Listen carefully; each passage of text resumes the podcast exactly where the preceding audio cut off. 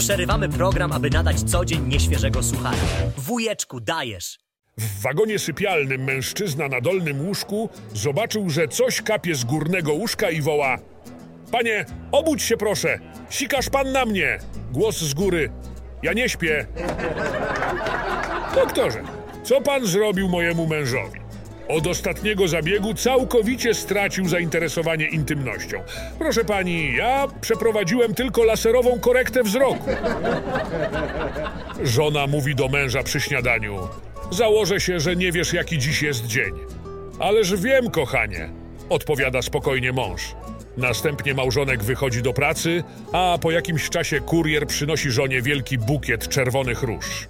Po godzinie kurier doręcza ogromną bombonierkę i kolejni w ciągu dnia jeszcze kilka prezentów. Mąż wraca z pracy, a żona cała w skowronkach do niego. Dziękuję, kochanie.